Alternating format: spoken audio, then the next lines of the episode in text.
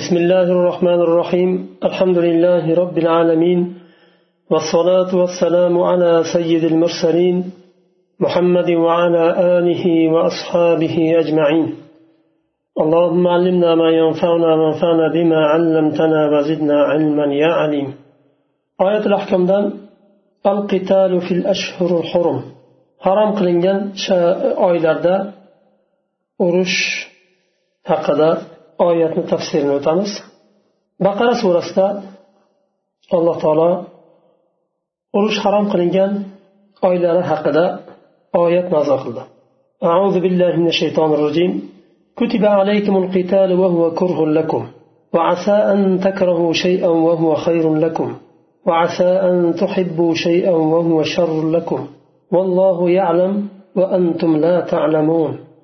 يسألونك عن الشهر الحرام قتال فيه قل قتال فيه كبير وصد عن سبيل الله وكفر به والمسجد الحرام وإخراج أهله منه أكبر عند الله والفتنة أكبر من القتل ولا يزالون يقاتلونكم حتى يردوكم عن دينكم إن استطاعوا ومن يرتد منكم عن دينه فيمت وهو كافر فأولئك حبطت أعمالهم في الدنيا والآخرة. وأولئك أصحاب النار هم فيها خالدون إن الذين آمنوا والذين هاجروا وجاهدوا في سبيل الله أولئك يرجون رحمة الله والله غفور رحيم sizlarga jang urush farz qilindi alloh taolo islomni avvalida sabrga chaqirdi musulmonlarni bir muddat o'tgunicha urushga jangga jihodga ism berilmadi. Undan keyin alloh taolo farz qildi jihodni. Urush sizlarga farz qilindi.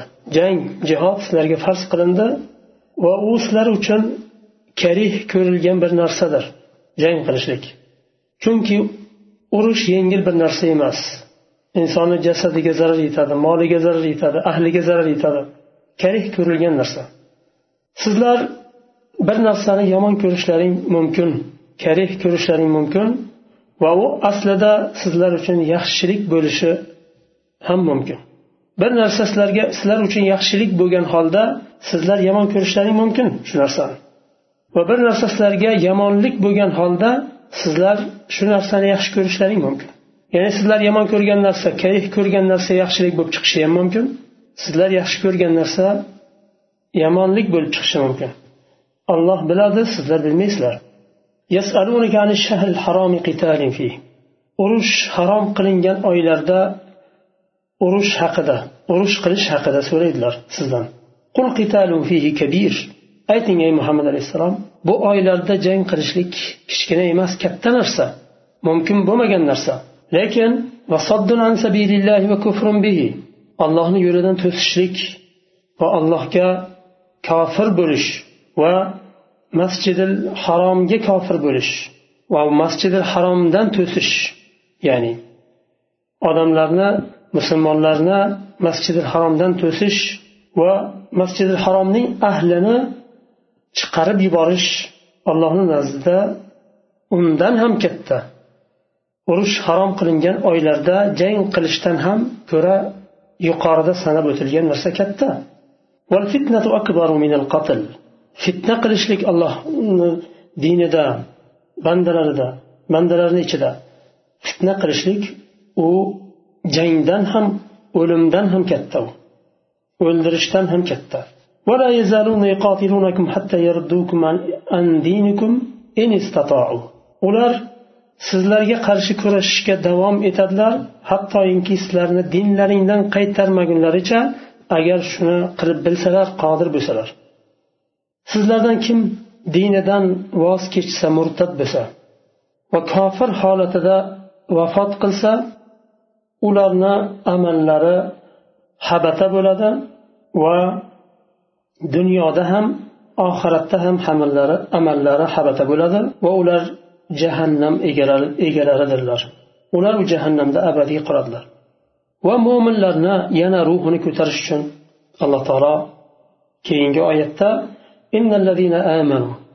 iymon keltirganlar allohga iymon keltirganlar والذين هاجروا الله يريد هجرة قيانلر وجاهدوا في سبيل الله الله يريد جهاد قيانلر هجرة قلب جهاد قيانلر أولئك يرجون رحمة الله ular allohning rahmatini umid qilganlar ulardir vallohu g'afurur rahim alloh taolo mag'firatlik rahmlikdir bu oyatni ma'nosini ahkomlariga kirishdan oldin sababi nuzulni ko'rib o'tamiz chunki sababi nuzulni bilishlik bilan oyatni ma'nosi yana ham yorqinlashadi روى ابن عباس أن النبي صلى الله عليه وسلم بعث عبد الله بن جحش إلى سرية على سرية في جماد الآخرة قبل قتال بدر بشهرين ليترصدوا عيرا لقريش فيها.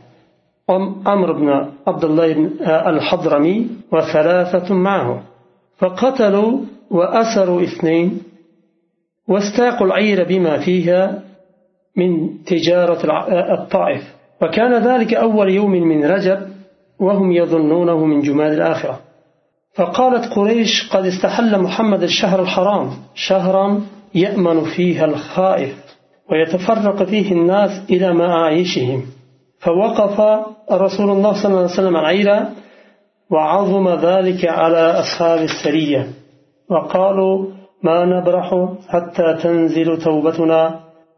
فنزل قوله تعالى يسألونك عن الشهر الحرام قتال فيه. قال ابن عباس لما نزلت أخذ رسول الله صلى الله عليه وسلم الغنيمة عبد الله بن عباس رضي الله عنه روايات قال رسول الله صلى الله عليه وسلم qurayshni tijorat bilan qaytayotgan karvonini oldidan chiqish uchun bir sariya yuboradilar qo'shin u qo'shinga abdulloh ibn jahshni roziyallohu anhuni amir qilib saylaydilar tayinlaydilar karvonda amr ibn abdulloh hadramiy va u bilan uch kishi yana bo'ladi karvonda. Qo'shin karvonni oldidan chiqib to'sib bir qanchasini o'ldiradi va ikkitasini asir oladi. Va tuyalarni bu karvonni toifdan tijorat bilan qaytayotgan karvonni madinaga keltiradi. Aynan shu kun rajab oyini birinchi kuni edi. Ammo qo'shin buni jumadil oxirini nima e, kunlaridan deb hisoblardi. Shunda quraysh aytadiki muhammad sollallohu alayhi vasallam harom qilingan urush harom qilingan oylarini halol qildi deydi. Bu oyda qo'rqqan kishi o'zini jonidan qo'rqqan kishi omonda bo'ladi bu oyda. Hech kimsa boshqa bir kishini o'ldirmaydi. Va odamlar bu oyda maishatlari bilan yashash uchun tijoriy bir ishlari bilan tarqaladi. Nima uchun tarqaladi? Chunki bu oyda birov birovga tegmaydi. Arablar bu oylarni hurmat qilardi eskidan johiliyatda ham. Shunda rasululloh sollallohu alayhi vasallam tuyani to'xtatdilar. Tuyalarni ayir ya'ni karvon karvonni bir tarafga to'xtatdilar. Chunki urush harom qilingan oyga to'g'ri kelgani uchun. Va bu narsa qo'shin uchun ham og'ir keldi. Urush harom qilingan oydami qildik buni? Shu to'g'ri keldimi degan nima bilan e, tushuncha bilan ularga ham og'ir keldi. Va aytdilarki alloh taolodan tavbamizni qabul qilgani haqida oyat nozil bo'lmaguncha biz to'xtaymiz hech hech narsa ya'ni harakat qilmaymiz hech narsaga degan nimani aytishadi. Masalan tuyani e, karvonni ham karvon xususida ham boshqa narsada ham hech qanday bir yangi harakat qilmaymiz to'xtaymiz degan mazmunda kutamiz alloh taolodan tavbamiz qabul bo'lgani haqida e, oyat nozil bo'lishini deyishdi. Demak tavba qilishdi bu oyga to'g'ri kelgani uchun. Shunda oyati nozil bo'ldi. Abdulloh ibn abbos roziyallohu anhu aytadilar bu oyat nozil bo'lgandan keyin rasululloh sollallohu alayhi vasallam g'animatni bu karvonni oldilar. Chunki alloh taolo yuqorida oyatda bayon qildi. Sizdan urush harom qilingan oylarida urush qilish jang qilish haqida so'raydilar. Qul fihi kabir. Ayting bu oyda urush qilishlik kichkina emas katta narsa. Chunki harom qilingan. Lekin allohni yo'lidan to'sish allohga kofir bo'lish va masjidil haromdan to'sish odamlarni va ahlini chiqarib yuborish bu ollohni nazdida bu oyda jang qilishdan ham kattaroq narsa. Sizlar undan ham kattasini qildinglarmi? Endi undan kichigini qilinganda gapirmanglar og'iz ochmanglar degan mazmunda oyat nozil bo'lganda rasululloh alayhi vasallam nimani karvonni oldilar. الأحكام الشرعية عند آيات تعلق بين شرعي أحكام نار. برين حكم؟ هل يباح القتال في, في الأشهر الحرم؟ ورش حرام قلنجان آيلر دا جن قلش مباح ما يا مباح إماس ما؟ حكم دلت هذه الآية على حرمة القتال في الشهر الحرام. وقد اختلف المفسرون هل بقيت الحرمة أم نسخت. آية كريمة urush harom qilingan oylarida jang qilishni harom ekaniga dalolat qildi mufassirlar ixtirof qilishdi bu oyatni hukmida bu oyatni hukmi bu oylarda jangning harom qilingani haromligida qoldimi yo boshqa bir oyat bilan mansux bo'ldimi buni ustida ixtilof bo'ldi فذهب عطاء إلى أن هذه الآية لم تنسخ وكان يحلف على ذلك كما قال ابن جرير حلف لي عطاء بالله أنه لا يحل للناس الغزو في الحرم ولا في الأشهر الحرم إلا على سبيل الدفع. عطاء رضي الله عنه aytadilarki bu oyat mansux bo'lmagan va qasam ham ichardilar ibn jarir tobariy rahimaulloh aytadilar ato menga ollohni nomiga qasam ichib ismiga qasam ichib aytardiki bu oylarda jang qilishlik odamlarga halol emas va masjidi haromda ham jang qilish odamlarga halol emas. Masjidi haromda va urush harom qilingan oylarda jang qilish halol emas deb qasam ichardilar dedilar. Magar bir nimada taqdirdagina halol bo'ladi difa uchun o'zini himoya qilish uchun yerini xalqini himoya qilish uchun agar jang qilib dushman bostiradi hujum qiladigan bo'lsa u holda halol وذهب الجمهور إلى أن الآية منسوخة جمهور مذهبlar buni olimlar oyat mansux qilingan deyishdi qaysi oyat nasb qildi buni baroat surasidagi tavba surasidagi oyat faqtul mushrikina haythu vajattumuhum mushriklarni qayerda topsanglar o'ldiringlar. Umum qilindi. Qayerda topsanglar? Makkadan bo'lsa ham madinadan bo'lsa ham boshqa yerdan bo'lsa ham qayerda topsanglar? O'ldiringlar degan mazmunda. Vaqotilul mushrikina kaffa kama yuqatilunakum kaffa. Mushriklar sizlarni qanday yoppasiga o'ldirayotgan bo'lsa ajratmasdan katta kichik ayol erkak o'ldirayotgan bo'lsa sizlar ham ularni kaffatan hammasini o'ldiringlar. U degani endi ayollar yosh go'daklar kirmaydi. Lekin hammasi deganda urushga yaroqlilari musulmonlarga qarshi jang qiladiganlari shular nazarda tutilyapti kaffatan deganda hammasi kirib ketadi. Qariyalargacha xotinlargacha bolalargacha kirib ketadi. Hammasini deganda lekin islom yosh bolani yosh go'daklarni ayollarni o'ldirishga izn bermaydi faqatgina jangga qodir bo'lgan va jang qilayotgan qo'shilib dushmanni safida turib islom nimaga musulmonlarga jang qilayotganlarni o'ldirishga izn beradi سئل سعيد بن المسيب هل يصلح للمسلمين أن يقاتلوا الكفار في, في الشهر الحرام قال نعم سعيد بن المسيب أكش طابين لرنا kattalaridan bittasi tobinlarni imomlaridan bittasi u kishi abu hurayra roziyallohu anhuni kuyovlari shu kishidan so'raganlarida harom qilingan urush harom qilingan oylarda jang qilishlik kofirlarga qarshi jang qilish musulmonlarga halol bo'ladimi to'g'ri bo'ladimi deganda ha deydilar حجة الجمهور أن النبي صلى الله عليه وسلم غزا هوازن بحنين وثقيفا بالطائف. وأرسل أبا عامر إلى أوطاس ليحارب من فيها من المشركين. وكان ذلك في بعض الأشهر الحرم. ولو كان القتال فيهن حراما لما فعله النبي صلى الله عليه وسلم. جمهور dalillari jumhurni dalillari shuki rasululloh sollallohu alayhi vasallam hunayn g'azotida havozinga g'azot qildilar jang qildilar toifdagi saqifga nima e, jang qildilar abu amirni yubordilar. Avtos degan nimada yerda u yerdagi mushriklarga qarshi jang qilish uchun yubordilar. Shu yuqorida o'tgan janglar ashhurul hurum urush harom qilingan oylarni ba'zilariga to'g'ri kelgan edi.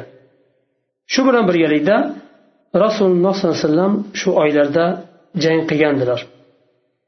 Agar harom qilinganda mansux bo'lmaganda bu oyat rasululloh sollallohu alayhi vasallam ularga qarshi bu oyda oylarda jang qilmagan bo'lardilar قال ابن العربي والصحيح أن هذه الآية رد على المشركين حين أعظموا على النبي صلى الله عليه وسلم القتال في الأشهر الحرام فقال تعالى وصدا عن سبيل الله وكفر به فإذا فعلتم ذلك كله في الشهر الحرام تعين قتالكم فيه ابن العربي مالكي مذهبdan imomlaridan u kishi aytadilar sahihrog'i yuqorida nozil bo'lgan oyat mushriklarga rad raddiya berish uchun nozil bo'ldi mushriklar shahril haromga to'g'ri kelganda bu karvonni to'sib karvonni g'animat qilib olib qo'ygan nima harom qilingan oyga to'g'ri keldi. Shunda mushriklar ko'tarib yuborishdi. Juda katta ish degan mazmunda harom qilingan oyni muhammad halol qildi deb katta bir e, jinoyatga o'xshatib yuborganda alloh taolo raddiya sifatida tushirdi. Allohni yo'lini to'sishlik kofir bo'lish masjidi haromdan to'sish va uni ahlini chiqarib yuborish allohni nazdida yana ham katta undan ham katta narsa agar sizlar shularni hammasini harom qilingan urush harom qilingan oyda qilgan bo'lsanglar sizlarga qarshi jang qilish ham demak halol bo'libdi degan mazmunda oyat mushriklarga raddiya sifatida nozil bo'ldi deydilar الحكم الثاني هل الردة تحبط العمل وتذهب بحسنات الإنسان مرتدلك بالله الله سقلس مرتديدا إنسان عملنا حبت قلدنا وحسنات لنا همسنا بكارية كتكزدنا دل قوله تعالى ومن يرتد منكم عن دينه فيمت وهو كافر فأولئك حبطت أعمالهم. على أن الردة تحبط العمل وتضيع ثواب الأعمال الصالحة. وقد اختلف العلماء في المرتد هل يحبط عمله بنفس الردة أم بالوفاة على الكفر الله تعالى آيات كم sizlardan kimki dinidan murtad bo'lsa va kofir holatida vafot qilsa amallari habata bo'ladi dedi bu oyat dalolat qiladi murtadlik bilan amallar habata bo'lishlikka dalolat qiladi va solih amallarni savobi zoyi bo'lib ketishiga dalolat qiladi endi olimlar ixtilof ixtilof qilgan yeri murtad bo'lishlik bilan murtad bo'lishni o'zi bilan amallar zoyi bo'ladimi yoyinki shu murtadlikda vafot qilsami فذهب مالك وأبو حنيفة إلى أن العمل يحبط بنفس الردة إمام مالك وإمام أبو حنيفة رحمهم الله aytadilar murtad bo'lishni o'zi bilan amali habata bo'ladi murtad bo'ldi va oz vaqtdan keyin qaytib yana tavba qilib islomga qaytdi bir soat ikki soatdan keyin masalan yo undan oz bo'lsa ham demak insonni amali oldingi qilgan amallari hammasi ketadi yetmish yil amal qilgan bo'lsa ham وقال الشافعي رحمه الله لا يبطل العمل إلا بالموت على الكفر imom shofiy rahimalloh aytadilar amal habata bo'lmaydi magar o'lim bilan kufrda o'lsa bir kishi murtad bo'ldi bir muddatdan keyin tavba qilib yana islomga qaytdi. Oldingi qilgan amallari saqlanib qoladi. Yaxshi amallar qilgan bo'lsa sadaqalar masjid qurgandir alloh yo'lida infoq qilgandir haj umra qilgan bularni hammasi saqlanib qoladi agar islomga tavba qilib qaytsa.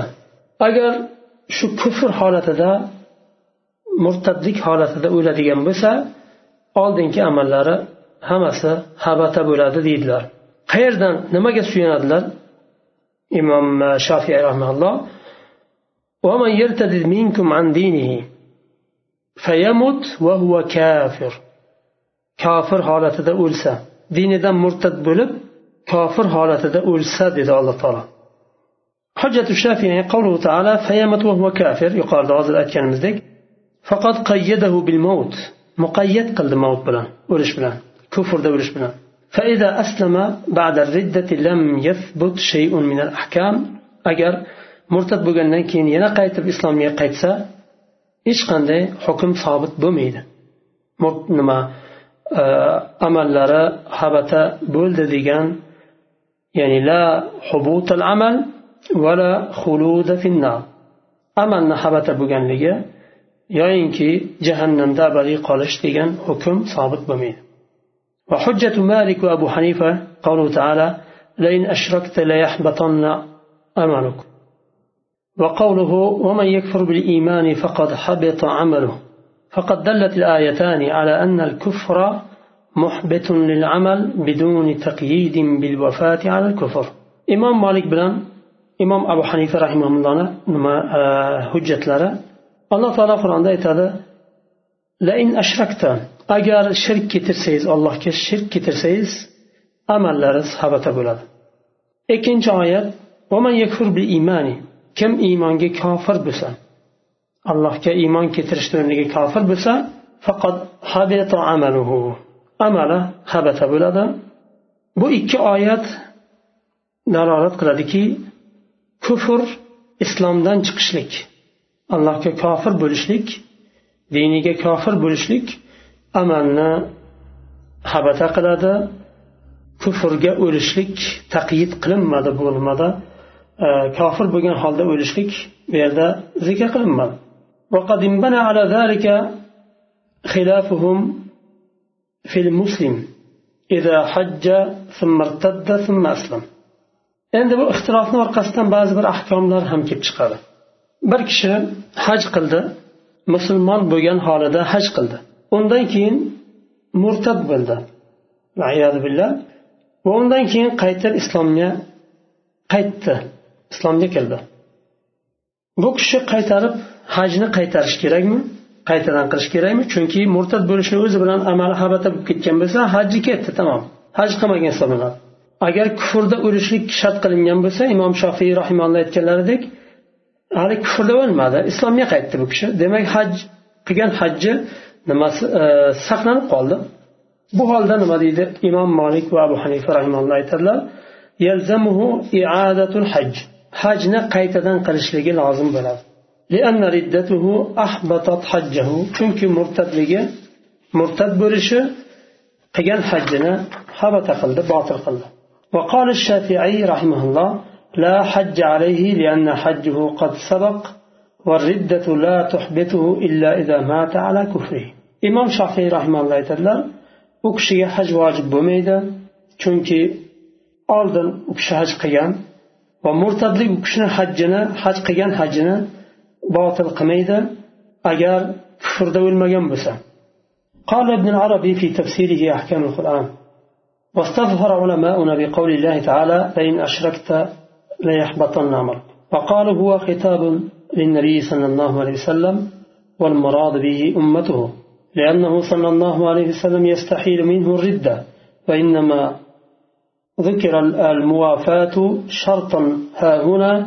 لأنه علق عليها الخلود في النار جزاء لمن وافى كافرا خلده في النار بهذه الآية. ومن أشرك حبط عمله بالآية الأخرى فهما آيتان مفيدتان لمعنيين مختلفين وحكمين متغايرين إمام ابن العربي رحمه الله يترلر أحكام القرآن تفسير يترلر olimlar ularni ya'ni imom u kishi imom molikni mazhablaridan molikiy mazhabdan ulamo una deganlari bizning olimlar deb haligi mazhab olimlarini nazarda tutyaptilar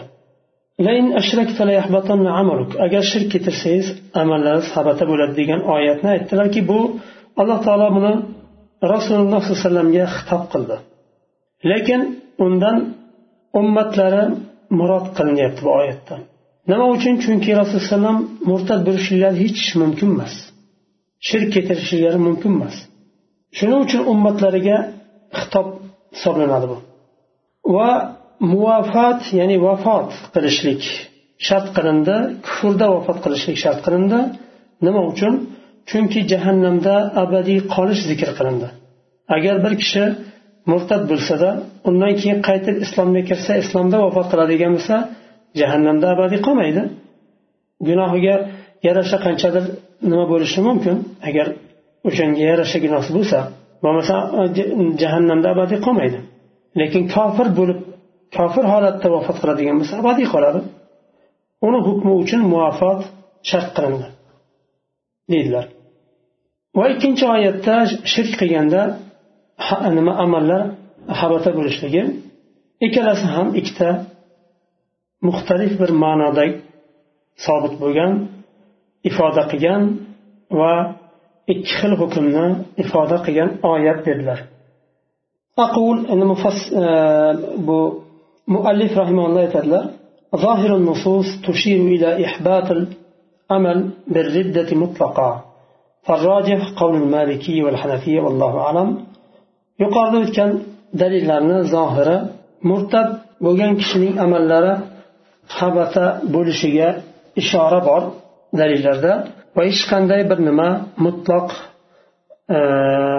ya'ni mutloq sifatida nima bo'lgan nozil bo'lgan Muqayyat qilinmagan yuqoridagi o'tgan ikkita nimada. Imom molik bilan imom abu hanifani dalillari mutloq holatda nima qilindi? Muqayyat qilinmadi.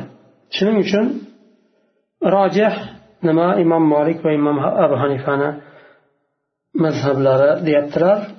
Ya'ni murtad bo'lishni o'zi bilan amallari habata bo'ladi va qaytib islomga qaytishi bilan u amallar saqlanib qolmaydi degan mazmunda muallif ham imom molik bilan imom abu hanifani mazhablariga qo'shilyaptilar vallohu alam. Shu yerda to'xtaymiz. Subhanakallohumma bihamdik. Ashhadu an la ilaha illa ant astag'firuka va atubu ilayk.